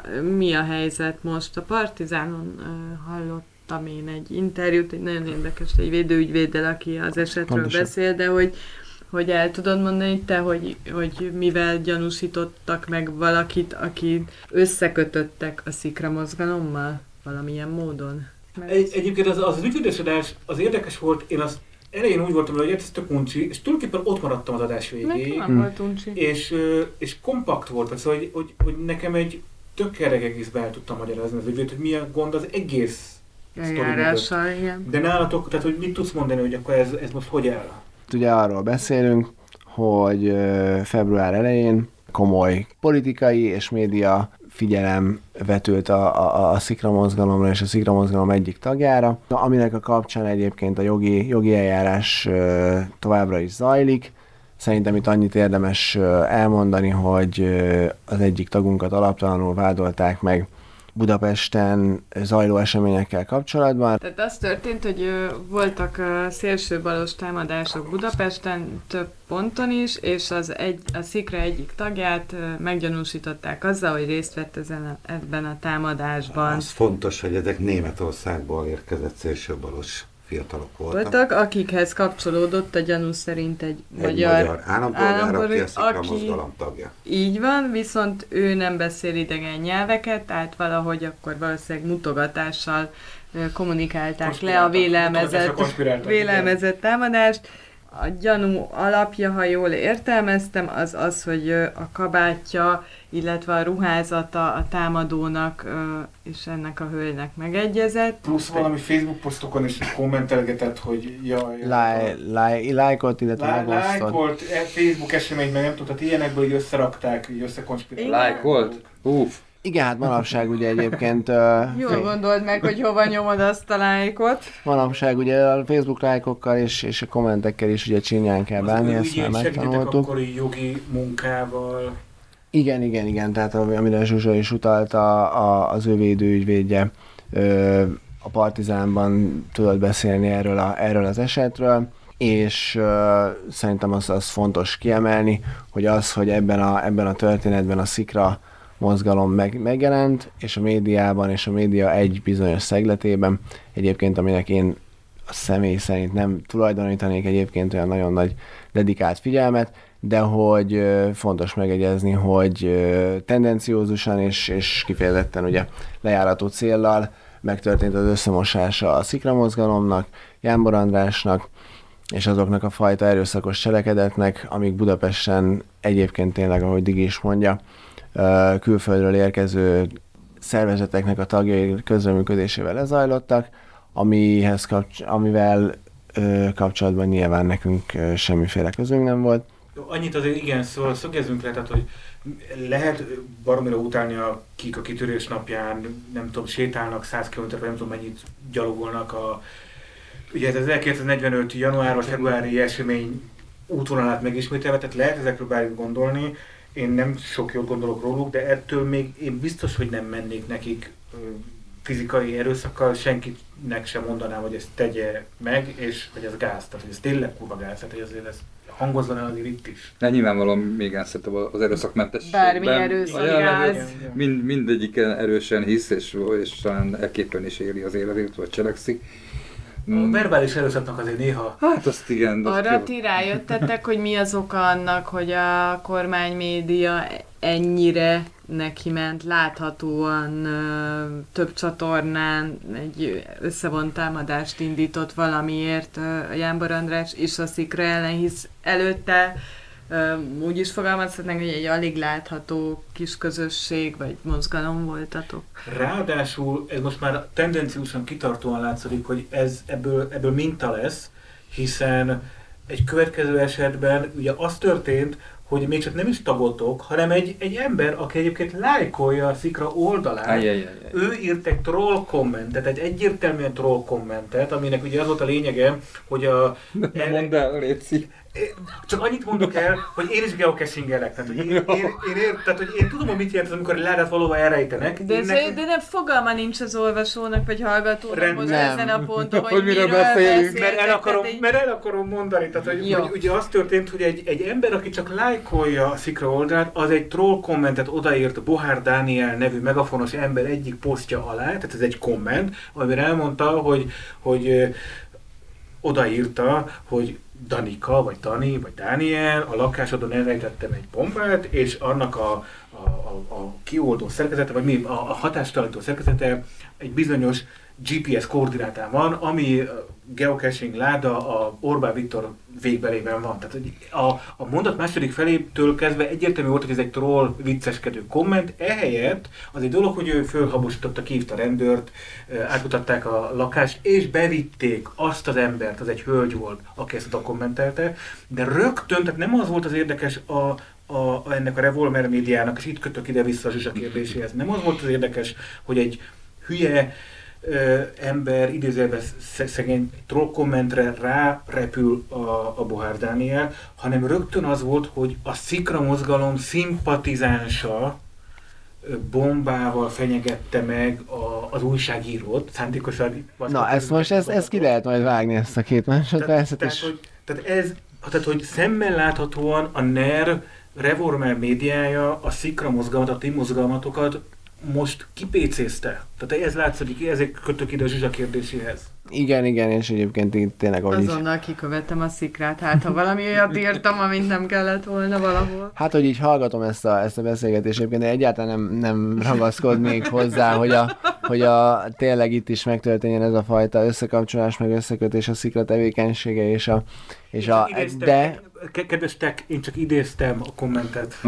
De, hogy az egy viszont egy fontos jelenség, amire, amire rámutatsz, és tényleg egyre inkább kitapintható ugye megtörténik el az összemosás. De vajon miért kérdezi te a Zsuzsa? Tehát, hogy vajon, tehát mi mit gondoltok arról, miért lehet, hogy így... Miért vagytok ti szálka? Igen. Vagy szikra. Valakinek a szemébe. Szikra, Vagy szikra. Hát, miért, igen, mi a... Hát erre több fajta megoldás is létezik. Ugye én szeretném azt gondolni, hogy már eljutottunk abban a szakaszban, amikor a, amikor a, a, a kormány, ö, illetve a, média potens és, és olyan, olyan ö, ellenfelet lát akár a szikrában, a, ami, ami veszélye lehet a, a létezésére. Én nyilvánvalóan azt gondolom, hogy ez, ez a pont még nem jött el, tehát ebből, ebből a szempontból viszont a Jánbor András személye és a Jánbor András által képviselt politika az egyértelműen meg rá tud mutatni a, a Fidesz és, a, és a, a mostani politikai felállásnak a visszásságaira, és főleg azzal, hogy tényleg a 2022. decemberében megjelentünk a kaszinók előtt, aktívan ellenálltunk, és, illetve passzívan álltunk ellen, egyébként ez, ez, fontos, fontos kijelenteni, de hogy akármennyire is azt gondoljuk, azért sikerült rámutatni, és egy kicsit útjába is állni annak a működésnek, amit a, a, a kaszinóknál. És egyébként a, a Jánbor András munkássága kifejezetten hangsúlyosan a, a, a végrehajtóknak a, a, az ügyével, a kilakoltatások ügyével kapcsolatban szerintem azért ott is, ott is ö, olyan láthatóságot és, és figyelmet irányít olyan dolgokra, amiket a, a jelenlegi kormány nem szeretne, hogy ö, ö, láthatóak legyenek, hogy itt már megtörténik egyfajta ellenségképzés. Illúzióink ugye, ugye nincsenek, hiszen a politikai cselekvés Magyarországon azért valószínűleg ezzel jár 2023-ban, de hogy ez egy tudatos jelenség, azt, azt egyre inkább én is azt gondolom, hogy, hogy ki lehet majd jelenteni. Én azt gondolom, hogy a, amit a Jánbor András csinál itt a kirakoltatások és a végrehajtó, ugye úgynevezett végrehajtó maffiával kapcsolatban, azt szerintem egyébként iszonyú fontos. Igen, ti gondoltok amit a világról egy baloldali ö, gondolkodóként, de én most nem azt a részét hozom ide, hanem azt a részét, hogy ebben politikai ö, stratégiát is látok, ugyanis a, egy pillanatra említetted is, hogy van úgy, hogy szakszerzeteket vagy helyi embereket a szélsőjobbról keresnek meg, és ők is felajánlják azt a segítséget, ami esetleg nekik kellhet ott helyben. És a végrehajtói maffia ügye az tipikusan ez, ha a baloldal ezzel nem kezd valamit, meg a kilakoltatásokkal nem kezd valamit, akkor óhatatlanul a mostani szélső jobb oldal fog erre rárepülni, ahogy ezt próbálják is. Tehát a Tolockai féle Mi Hazánk mozgalom az egyébként a másik olyan szereplő Szociálisan lehet. egy érzékeny mozgalomnak tűnik. Igen, aki hiteles nek tűnően Igen. tud ezzel az ügyjel foglalkozni, és egyébként ide behozok akkor egy harmadikat, az akkumulátorgyárak ügyében nem véletlenül kezdett szintén nagyon erősen a, a Mi Hazánk mozgalma is mozgolódni, hogy ilyen kisképzavarral érjek. Tehát, hogy én ebben, ebben látom azt, hogy nem érdeke valóban a NER-nek, vagy a mostani rendszernek, hogy ez egy baloldali téma legyen, hanem neki az az érdeke, hogy a torockaiék vigyék ezeket az ügyeket. Igen, igen, szerintem ez egy, ez egy, ez egy nagyon, jó, nagyon jó meglátás. Szerintem a, ami, amit egy, egy jobboldali, vagy egy, egy szélső jobboldali keretezésben, meg narratívában nem tud megjelenni, az pont az a, az a, az a vonulat, amit szerintem a kilakoltatások, terén nagyon fontos hangsúlyozni, tehát hogy a lakhatási helyzet és a lakhatási válság, ami egyébként nem egy új keretű probléma Magyarországon, de, de fájóan ö, alulreprezentált a közbeszédben is, és nem beszélünk róla, egy, még csak megközelítőleg sem eleget, kilakoltatások és a lakhatás ugye az egyértelműen szerintem kijelenthető, hogy, hogy baloldali, baloldali megoldásra vár, és baloldali eszközökkel ö, feloldható. Még egy, egy dolog, hogy ugye ma Magyarországon több párt is mondja magáról, hogy baloldali, aztán hogy ebből mennyi a baloldaliság bennük, vagy mennyi nem, ezt szerintem mindenki látja, hogy de ugye elindultatok ebben ezen az úton, hogy így nagyjából próbáltok országosan egy kicsit terjeszkedni valamennyire. Azt vettem ki, hogy úgy van ilyen törekvés? De hogy, de, hogy, de hogy igen. Van valamiféle viszonyatok a mai politikai pártokkal, akik mondjuk országosan is jelen vannak? Tehát, hogy egyáltalán mi a, mi a, a kapcsolat a mai politikai pártokkal? Ugye párat említettünk, tehát a Jámbor András, mint országgyűlési képviselőben van, és a párbeszéd frakcióban van, és a Komiát Imrét nevesítettük még, aki egyébként meg MSZP. Most elnök lett? Társadalmak? Azt hiszem MSZP társadalmak, igen. Illetve hát attól még, hogy a, a például a Komjati MSZP társadalmi alelnök, az MSZP-vel van-e kap, tehát hogy egyáltalán van-e valamiféle kötődés, kapcsolat, felvétel a pártokkal? Tényleg szerintem az, hogy, hogy a, a szikra mozgalomként létezik, és, és részt vett itt a 8.-9. kerületben ugye egy, egy előválasztási, vagy egy országgyűlési kampányban. Ez ugye együtt járt olyan, olyan alkalmi szövetségeknek a megkötésével, helyhez kötött szervezetekkel való kapcsolatfelvétellel, ami egyébként ugye már csak ahhoz is szükséges volt, hogy egyáltalán egy előválasztási kampányban el tudjunk indulni Álmarandás vezetésével, hiszen a, a, a Szikra mozgalom ugyanúgy az országgyűlési választáson és az önkormányzati és az európai parlamenti választáson sem tud mozgalomként jelöltet állítani. Egyébként 8. 8. kerületi székhelyen rendelkezik a Szikra, ez nagyjából ez egy, ez egy természetes folyamat és választás eredménye. Itt koncentrálódik egyrészt Budapesten, másrészt ebben a kerületben a, a, a mozgalom munkásságának része, de országos terjeszkedésről én ezen a ponton még nem beszélnék, tehát megpróbálunk, ugye a tagjaink egyébként szerencsére, én azt gondolom, hogy kijelenthető, hogy fele-fele arányban ö, pesti és, és vidéki illetőségűek. Természetesen ugye ez hozzájárul az is, hogy budapesti székhelyel rendelkező vidéki ö, tanulók is kiteszik a tagság ö, egy részét. Tehát nem kell 8.-9. kerületi lakosnak lennie annak, aki be akar a sziklába lépni, tehát támogatni akar benneteket. Hát tudjuk is lehet. Körúton belül legyen, az a lényeg. De elhangzott, hogy Szegeden például lehet, hogy lesz valami. Tehát igen, igen, sőt, sőt egyébként meglepően, meglepően kevés uh, körúton belüli tagunk van, azt azért kijelenthetem.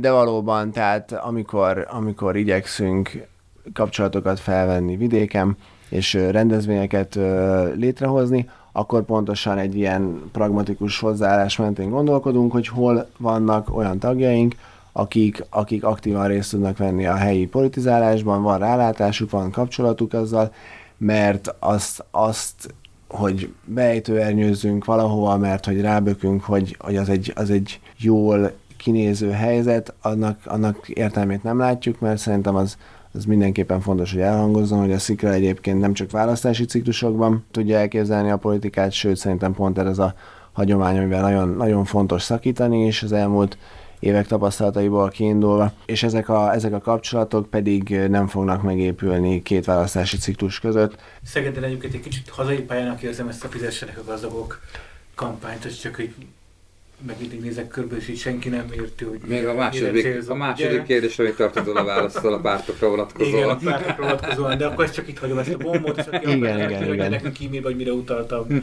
Igen, igen, igen. Pontosan. Ez egy létező szlogán, és szerintem ez egy olyan szlogán, ami, amit ö, a fizessenek a gazdagok, amit meg kell tölteni tartalommal, mert ez sajnos, sajnos a múltban elmaradt. Tehát igen, a, amikor ö, ugyanúgy, ahogy egyébként egyéb szervezetekkel is nem zárkózunk el az együttműködéssel, meg kell nézni, hogy mi az, amit, amit mi hozzá tudunk tenni egy ilyen együttműködéshez, és mi az, ami, ami, amivel kapcsolatban érdemes nekünk elgondolkodni, hogy, hogy mihez tudunk nyúlni. Szerintem az országgyűlési választáson ez egy, ez egy természetes helyzet volt, és ez egy fontos vállalás is, hogy csak azért nem fogunk el, elhatárolódni bizonyos együttműködésektől, mert, mert annak rossz, rossz múltja és rossz szájíze lehet. Ha csatlakozni akar hozzátok, akkor egyéb bárki, akár hallgatónk, vagy külföldön élő hallgató. Igen, igen, igen. Vagy egy Pontosan. Pontosan, pontosan megteheti olyannyira, hogy ugye hát az adekvát felületeken, a, a, a Facebookon erről Instagramon, nem tudom, hogy ilyet mondhatok egyáltalán. Mert a TikTok is elhangozhat. Ha bármelyik hallgató ha gondolod. hogy te rátöri az ajtót hajnali négykor, akkor csatlakozol. Igen, igen, egyébként előtte azért olvasásra ajánlom azokat a kommenteket, amit egyébként a Szikra Facebook felületén szoktak hagyni, emberek, tehát én szerintem mi is akár panaszkodhatnánk, de szerintem ezt érdemes helyén kezelni. Én ezt meg akartam kérdezni, hogy hogy bírjátok? Pont én azt hiszem, fel vagyok iratkozva vagy a YouTube csatornát, vagy valahol most belefutottam, ahol olvassátok föl azokat a kommenteket, amiket kaptok.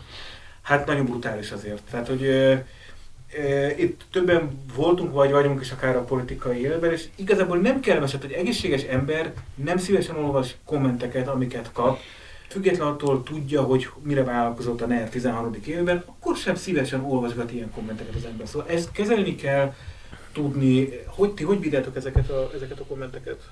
Meg hogy hogyan kezelitek, mert ez nagyon fontos kérdés, mert hogy hogy bírjátok, az is nagyon érdekes de hogy, eh, hogy, hogy kell ezeket kezelni, és vagy, vagy, vagy szerintetek? Ez egy személyesebb kérdés ugye a végén felé, de tényleg, mm-hmm. szóval mhm. ezzel mit kezdtek ezzel a helyzettel? Ez nem, tényleg nem könnyű. Itt, érted, 20 éves lány, él benne a szikra mozgalom buzgalma, csatlakozik egy ügyhöz, és aztán elkezd szakmányba kapni nem dickpikkeket, hanem csak a rosszabbakat, hogy dögölnél meg, meg nem tudom, ilyeneket. Szóval ez, ez baromi nehéz lehet ezt kezelni, ezzel foglalkoztok? Tudtok ezzel mit kezdeni? Igen, igen, ugye azért szeretném hozzátenni, hogy alapvetően arról beszélünk, hogy a, a, a szikra mozgalom annak a Facebook felületére milyen üzenetek ér- érkeznek, és pont ezért fontos is szerintem, mert hogy mozgalmi szinten közösségileg tudunk ezzel ezzel egyébként mit kezdeni, tehát minden olyan támadás, ami, amiről egyébként beszéltünk is, és felmerül, az szerintem közösségileg könnyebben feldolgozható, és, és ez, ennek kapcsán teszünk is lépéseket, és fontosnak is tartjuk, hogy azért, mert valaki tényleg azzal a szándékkal érkezik egy, egy politikai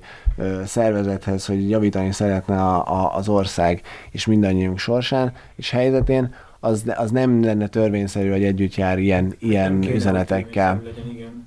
igen. Tehát a közösségként tudtok, tehát ott vagytok egymásnak. Tehát ez, ez, ez az, ez amit... Tud az egyik fontos megoldás lenni? Ez az, amit ö, mi megtaláltunk, és szeretnénk is továbbra is használni, mert ö, mozgalmi erő, ami, amit mi építeni próbálunk, az pont ezt foglalja magába, hogy közösségként hogyan tudunk egymás mellett állni, akár egy kaszinó előtt, egy, egy, egy, egy blokádnál, akár a mindennapi életben is, és a, és a szervezeti építkezésben is.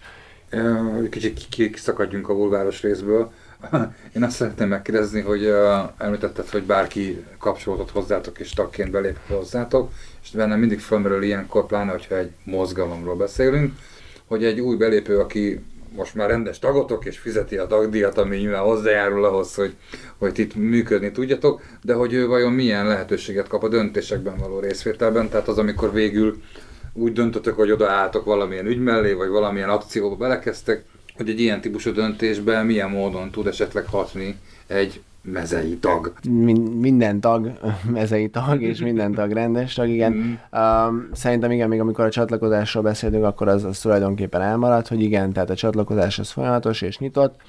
Um, van egyébként egy nagyon jól felépített mentorprogramunk, hogy aki, aki ezt a szándékát kifejezi, és, és szeretne a szervezet életében részt venni, az, az ne egyedül legyen, és megtalálja azokat a, azokat a módokat, hogy hogyan lehet csatlakozni a, az operatív működtetésbe is akár, eseményeken való részvételbe, tehát szeretnénk, és, és ezt el is mondhatom, hogy, hogy viszonylag sok nyitott eseményünk is van, tehát hogy aki, aki esetleg a csatlakozás előtt szeretné megnézni, hogy hogy is néz ki ez a, ez a, ez a szervezet, azt tényleg azt tudom mondani, hogy például április 15-én a, a Vasas szakszervezeti székházban el tud jönni a Fizessenek a gazdagok kampány nyitójára, a második kampány nyitójára, ott egyébként Schulz Nóra és Pogács Zoltán fognak beszélgetni a gazdasági, gazdasági vetületeiről a, a, a politikai térnek. a május 1 az egy fontos, fontos dátum, ugye egy, egy baloldali életszervezeti, ö, egy baloldali szervezet életében. Szerintem május 1 már csak a Mi Hazánk mozgalom ünnepelte meg. Igen, ők a hajógyári szigeten voltak, de egyébként... Az... Eljutottuk oda 2022-ben, hogy csak a... Senkit nem érdekel a munka. De 23-ban most de ez, ez, ez, ez, megszületik igen, újra. Nem, ez, ez, ezért Illetve... szóltam, hogy, hogy igen, hogy akkor ti szerveztek már is esélyem Igen, igen, és ez nagyon fontos, hogy egyébként tavaly a, a SZEF, ugye, ö, nem, nem, nem, nem, nem, Ez a... elég olcsó poén volt. Én nem, én nem tudom ezeket kihagyni. Szakszervezetek Együttműködési Fóruma, ők a Városligetben tartottak, Egyébként a, a Sziklának is a Majár is a Városligetben volt tavaly, de ezt nem vetem senki szemére, hogyha erről esetleg nem tudod. De pontosan az, hogy ezeket, a, ezeket az együttműködéseket tovább építeni, azt szerintem az egy fontos rész. Ott is ö, igyekszünk erre minél nagyobb hangsúlyt fektetni. Nagyon akik... fontos a lufi, meg a szamár simogatás ezeken a május Szerintem a sör, Szamar simogatás nem a... tekintem hagyománynak. Sör, virsli, Sör, virsli. Szamarunk nem lesz, sör és virsli lesz. Én Mert azt ők, ők nem kínozzák az állatokat. És ma már a lufi sem, a sem jó dolog. Hogyha sokan simogatják. Te honnan tudod, voltál te már szamár? Ne haragudj. Valószínűleg voltam, oh, oh. tehát hogyha van lélekváltás, akkor valószínűleg voltam. Nem tudom, hogy van-e. De... Szerintem rosszul emlékszel, nem jó. Nem, nem jó, nem szeretik a jó, szamarat. Jó, azt hiszem, hogy itt a végére már, már egy kicsit, kicsit Mi már elővettük a telefonjainkkal, és megnyitottuk a podcast alkalmazásokat. Oh, oh. Ne, ne, de hát még nem az a rovat jön. De még nem az a rovat jön, mert van egy, új van egy új rovatunk. Annyi rovatunk lett hirtelen. Annyi, hát egy plusz rovatunk De lett. ott van az végén, az adásmenet végén, ideig az böggésztétek. Kedves hallgatóink, az hogy ez az első olyan adás, ahol van adásmenetünk, és így lázasan, én látom, mindannyian így lázasan nézik a telefonjukat, miközben beszél az interjú voltunk, hogy nehogy valamit kifelejtsük az adásmenetből. Tehát és tegyük azt kell. hozzá, hogy nem látunk, tehát nagyon messze tartjuk már a telefonjunkat. Igen, ezt szoktunk el, hogy itt most komolyan kell, teljesítenünk el itt az átlátszóval. Tehát itt ez, ez. Azért az, az igazság, hogy a, ezzel nagyon közel kerültünk. Kísérleti nyulunk, vagy Igen. Ezzel, ezzel nagyon közel kerültünk a gyakorló újságíróknak a, hogy mondjam, a mindennapi életéhez. Mert hogy nem figyelnek az interjúra, én, én, Számos esetben találkoztam ezzel a dologgal, hogy amikor az interjú alany beszél, vagy valaki beszél mondjuk egy szerkesztőségi ülésen, az összes többi én tekergetni a mobilját. Én, én, én, próbáltam tök normális lenni, és én végig a Gergőre figyeltem, hát, mert és néha csak... Nagyon rendes civil vagy, de mi jó. már prósodunk megfelelően. Jó, tehát az az új, az az új ö, rovatunk, kedves hallgatóink, hogy debánkolunk, és nem tudom, hogy ezt magyarul hogy kell mondani. Tehát, hogy, hogy mit csinálunk? Hát, debánkolunk. Én nem szok, de haragudj, én olyat nem te, szoktam, te én rendes nő vagyok, én nem dibánkolom. Szóval én ez az én nünükém, én nagyon nem szeretem, hogy itt terjednek, a, még az ellenzéki körökben is mindenféle ilyen városi legendák, vagy ilyen, vagy ilyen, ilyen plegykák, ami biztos úgy van, a, most nem is a, a legegyértelműbb mondom a hova jár Orbán Grác. Tehát ne, nem is a Grácot hozom ide, hanem, hanem ilyen mindenféle ilyen, ilyen sztorik keringenek, és én ezt szeretném, ezeket mindig behoznék egyet, vagy ti is hozatok be mindig egyet, uh-huh. és azokról három percben, hogy az vajon igaz-e? hülyeség. Vajon igaz-e? ez, a, ez a csavar, vajon igaz-e, vagy hülyeség? Okay. Én most egy olyat, és ezt lelőttem a poént, tehát hogy az elsőnél, mert láttatok az adásmenetet, ez, ez egy olyan sztori lesz, amiről már előre tudjuk, hogy nem igaz, de de azt hiszem rosszul vezettem föl, mert hogy igazából be kell, el kéne olvasnom, így hangosan bele a mikrofonba, és akkor tippelgetni, hogy ez vajon igaz-e vagy Jó, nem. akkor olvast föl, és én simán elhiszem, hogy igaz. Szóval van egy olyan, van egy olyan poszt, amit én legelőször, hát én szerintem már vagy 2015-ben vagy 2014-ben már találkoztam vele, és így elterjedt már az akkori Facebookon, de lehet, hogy már az Iviven is terjedt annak életet, el tudok képzelni. Biztos találkoztatok ezzel. Noam Chomsky 12 pontja, hogy hogyan kell uralkodni az embereken. Ugye Noam Chomsky ezt így megírta már 30 évvel ezelőtt. Ugye Noam Chomsky ő egy, ő egy, ő egy azt hiszem amerikai filozófus, nagy hatású gondolkodó, rendszeresen szokták idézgetni, és ez a, ebbe a pontjába például ilyenek szerepelnek, és ezt így tényleg mióta az Orbánék kiépítették 13-14-ben a, a rendszerüket, azóta ez tényleg ilyen fél évente elszabadul és körbemegy a magyar ellenzéki médián, hogy az emberek agyát és figyelmét le kell foglalni másod és harmadrangú problémákkal. Tehát, hogy gumicsontokat kell elő dobni, mert hogyha azzal falkoznak, akkor nem falkoznak a mondjuk a lopással, és akkor tudnak lopni és a többi, és a többi. Ilyen szuper mondatok vannak benne, hogy az embereket le kell szoktatni a gondolkodásról, és arról, hogy a történésekben felfedezzék az ok- okozati kapcsolatokat. Ennek érdekében a politikai vezetők egyszerűen kell megfogalmazniuk az üzeneteket, már-már infantilis módon, lásd a tudta plakátok, meg lá, tehát a, tényleg negyedévente ugye indít ilyen plakát ö, kampányokat a Rogán cég, már-már infantilis módon, minimális szókincsen, rövid mondatokkal. Lásd, emojikkal kommunikálnak ugye órás plakátokon. Szóval tele van ilyen szuperebbnél szuperebb 12 ponttal, hogy így kell lebutítani népet. És? E, nem igaz. Tehát Noam Chomsky nem írt ilyet. Ding! Ért? Noam, létező személy. Noam Chomsky természetesen létező, létező személy, tényleg nagyhatású filozófus, de nem, nem írt ilyeneket. Minden hallgatónknak szeretném fölni a figyelmet, hogy nem nem készült ilyen 12 pont a Noam Chomsky-tól. És ezt kiírta akkor? De ez megvan, hogy kiírta. Valamelyik politikai választási tanácsadó? Kéz, egyébként tehát én azt hittem, Valamelyik hogy igen. Tehát én simán azt, vagy... azt képzeltem, hogy igen. Nem, ez egy francia hölgy írta le, 2011-ben vagy 2012-ben a saját weboldalán, ő egy médiaszociológus uh-huh. kutató egyébként, gondolom talán ír is vagy dolgozik is a médiában, de hogy alapvetően ő médiával foglalkozik, és ő a saját weboldalára fölrakta francia nyelven, hogy szerinte körülbelül a médiával hogyan lehet manipulálni a, a saját lakosságot. Uh-huh. És ennyi. Én egyébként arra annyit, még elmondanék szívesen, hogy 1988-ban írt uh, Chomsky egyébként, és mindjárt kikeresem a magyar címét, Manufacturing Consent, azt viszont ajánlom mindenkinek elolvasásra, mert ott egyébként a, a politikai életnek a hasonló vetületeiről is szó esik, de azt, azt, ezt, a, ezt a másik, másik művet sajnos nem volt alkalmam elolvasni. De, de hogyha már így, az eredetit alulra, Így felmerül, hogy, szerintem mindenképpen érdemes.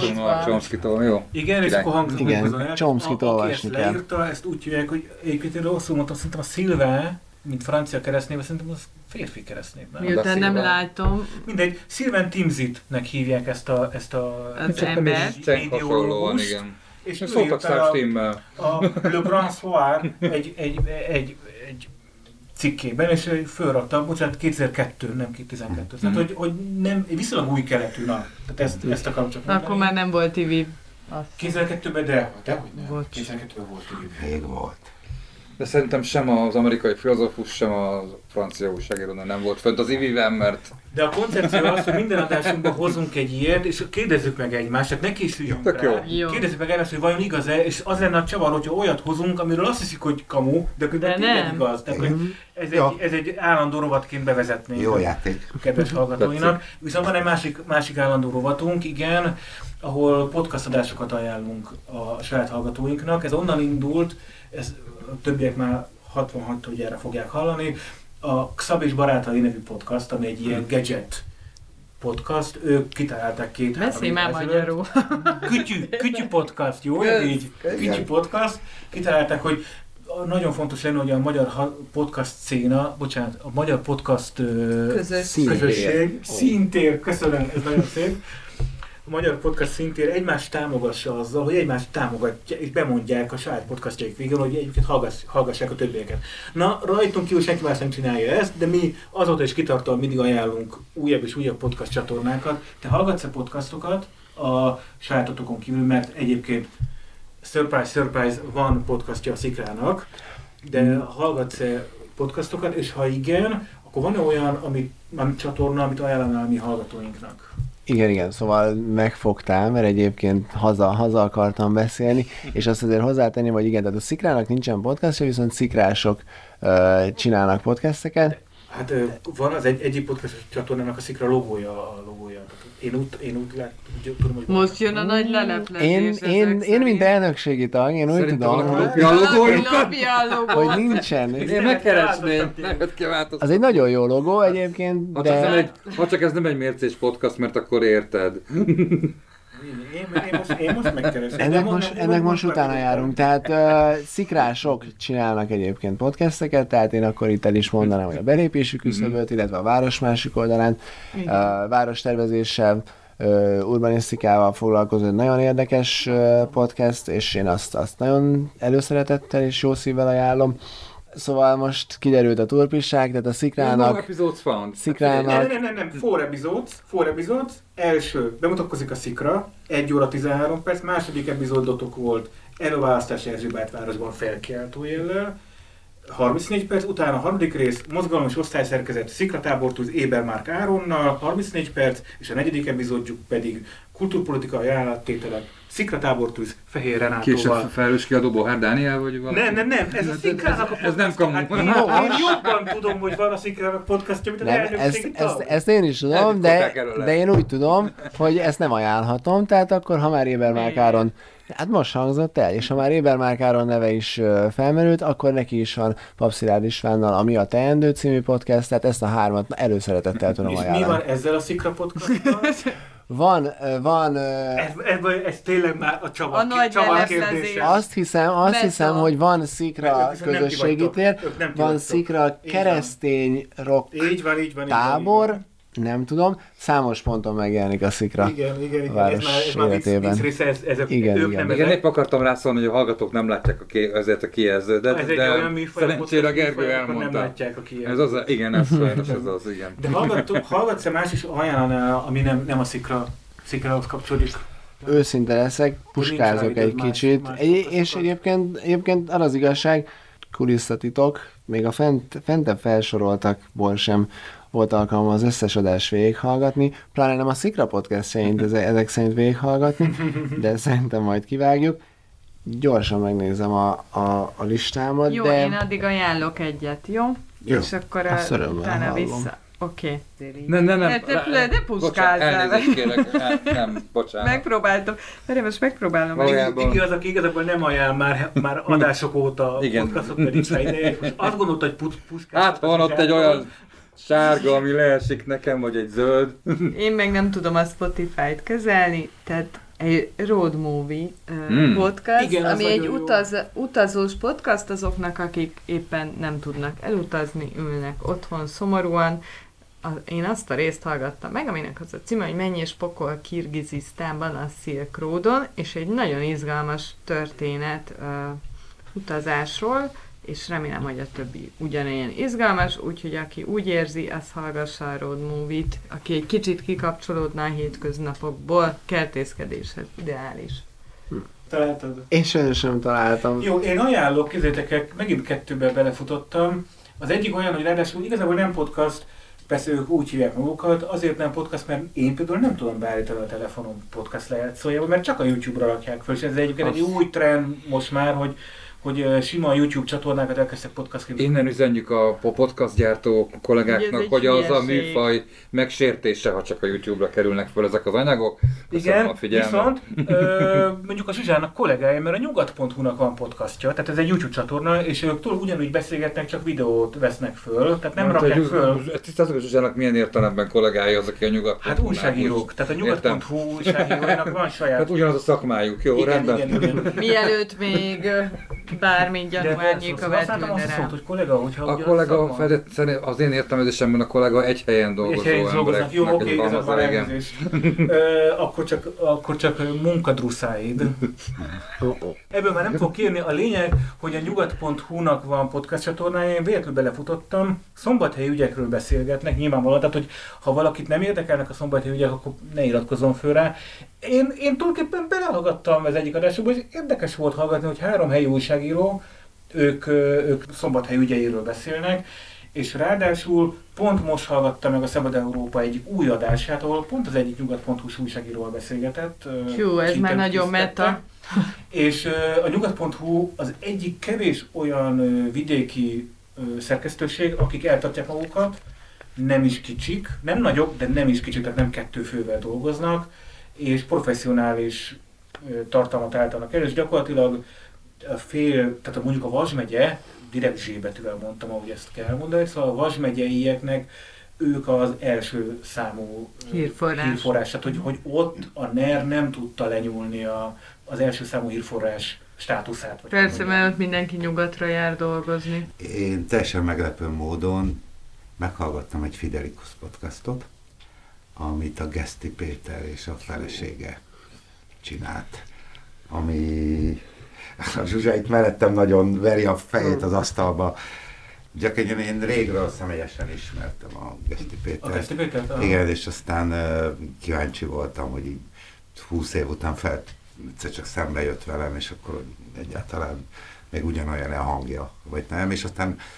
A hang az nem nagyon változik az évek alatt. Uh, Énekeseknél igen. igen. Igen. E, mindegy, én meghallgattam, sőt, hát tulajdonképpen annyira tehát, hogy nem is, nem is kapcsoltam. Nem, nem iratkoztam fel, fel vagyok iratkozva amúgy a Fiderikusra, hogy jöjjön, hogy ha van valami, eh, akkor legalább tudjak róla. De hogy nem, tehát hogy ott is maradtam, tehát teljesen eh, nem volt mély, de nem volt felületes, tehát egy ilyen, egy ilyen átlag hétköznap reggelen az autóba teljesen használható volt. Én, nekem ez a Zoli, te még nem iratkoztál, vagy neked nincs új? Podcast ügyben nem, szokás szerint nem, nem, nem, alig itt marad időm, szerintem saját magunkat is, csak nagyon ritkán. Aha. Viszont szombathelyen nem csak a nyugat van, hanem ott van az úgy tudjuk.hu is. Igen. Igen. Igen. Ez azon tartom a fejem végig, hogy, hogy, hogy ezek szerint szombathely nagyon hogy mondjam, jó helyzetben van ez ügyben. úgy van a, az, hogy a nyugat.hu az igazából nem csak szombathely, hanem tényleg az a régiónak uh-huh. a, a médiája, és nagyon régóta csinálják, szerintem 15 éve, vagy nem tudom. Az úgy tudjuk.hu még viszonylag friss, egy-két éves, a Pintér Bence csinálja, és nekik talán a finanszírozója volt a, az Ungár Péter, lehet, hogy még most is, nem tudom, lehet, hogy nem szállt ki, lehet, hogy most is finanszírozza, és talán ha két embert ö, tudnak ö, alkalmazni, és ők kifejezetten kizárólag szombathely, és azt egyébként elég jó minőségben csinálják, mm. de hogy azt ők szombathelyre koncentrálnak, a nyugat.hu az régiós, tehát az tényleg olyan, mint hogyha a vazsnépe lenne, mint újság, csak, csak online-ban. És ellenzékiben. Szerintem a nyugat.hu nem ellenzékinek definiálja magát, szerintem ők, hmm. ők objektív sajtónak, az vagy... Ja, ja, ja, igen, igen, igen, bocsánat, igen, valóban. Hmm. Ugye, ahogy a, ahogy a Bohár Dánielek mondják, független objektív sajtónak. Ja, ja, ja, vágom, igen. De az úgy tudjuk.hu, ők igen, ők azt hiszem, ők, ők hmm. ha tetszik kimondva is azt mondják, hogy, hmm. hogy, hogy ellenzéki, ellenzéki médiát. Jó hosszúra sikeredett ma is adás nem én szoktam levezetni, hanem az áron. Ahhoz képest elkezdted. elkezdted volna. Hát csináld végig. Mi lesz a zenénk, Vigi? Az elköszönő zenénk. Mindig van egy elköszönő zenénk a végén. Ragaszkodnunk kell a 20 valahány másodperchez. Nem, én azt is szoktam ragaszkodni ahhoz, hogy csak tényleg nagyon röviden játszak be, mert akkor nem kérem el, hogy egyezzen bele, mert hogy ha 15 másodpercet bevágunk, akkor nem fogja még Nehéz le, levelezni a Rolling Stones menedzserével igen, azt tehát, a 20 másodpercet egy sosem. megint a tudósok koncertjéből egy újabb ilyen politikus számot rakni be, abból egy kettő verzét, de ha te mondod, hogy kivel kell lelevelezni, Nekem van egy... Én esküszöm lelevelezem. Új kedvencem a új régi, de régi új kedvencem az a neve, hogy The Devil's Trade, aki egy magyar zenekar a nevével ellentétben, és euh, én őket most nagyon szeretem. Vannak népdal feldolgozásai is. Egy, egy, egy személyben egy gitáros, akinek néha vannak kisegítő zenész társai.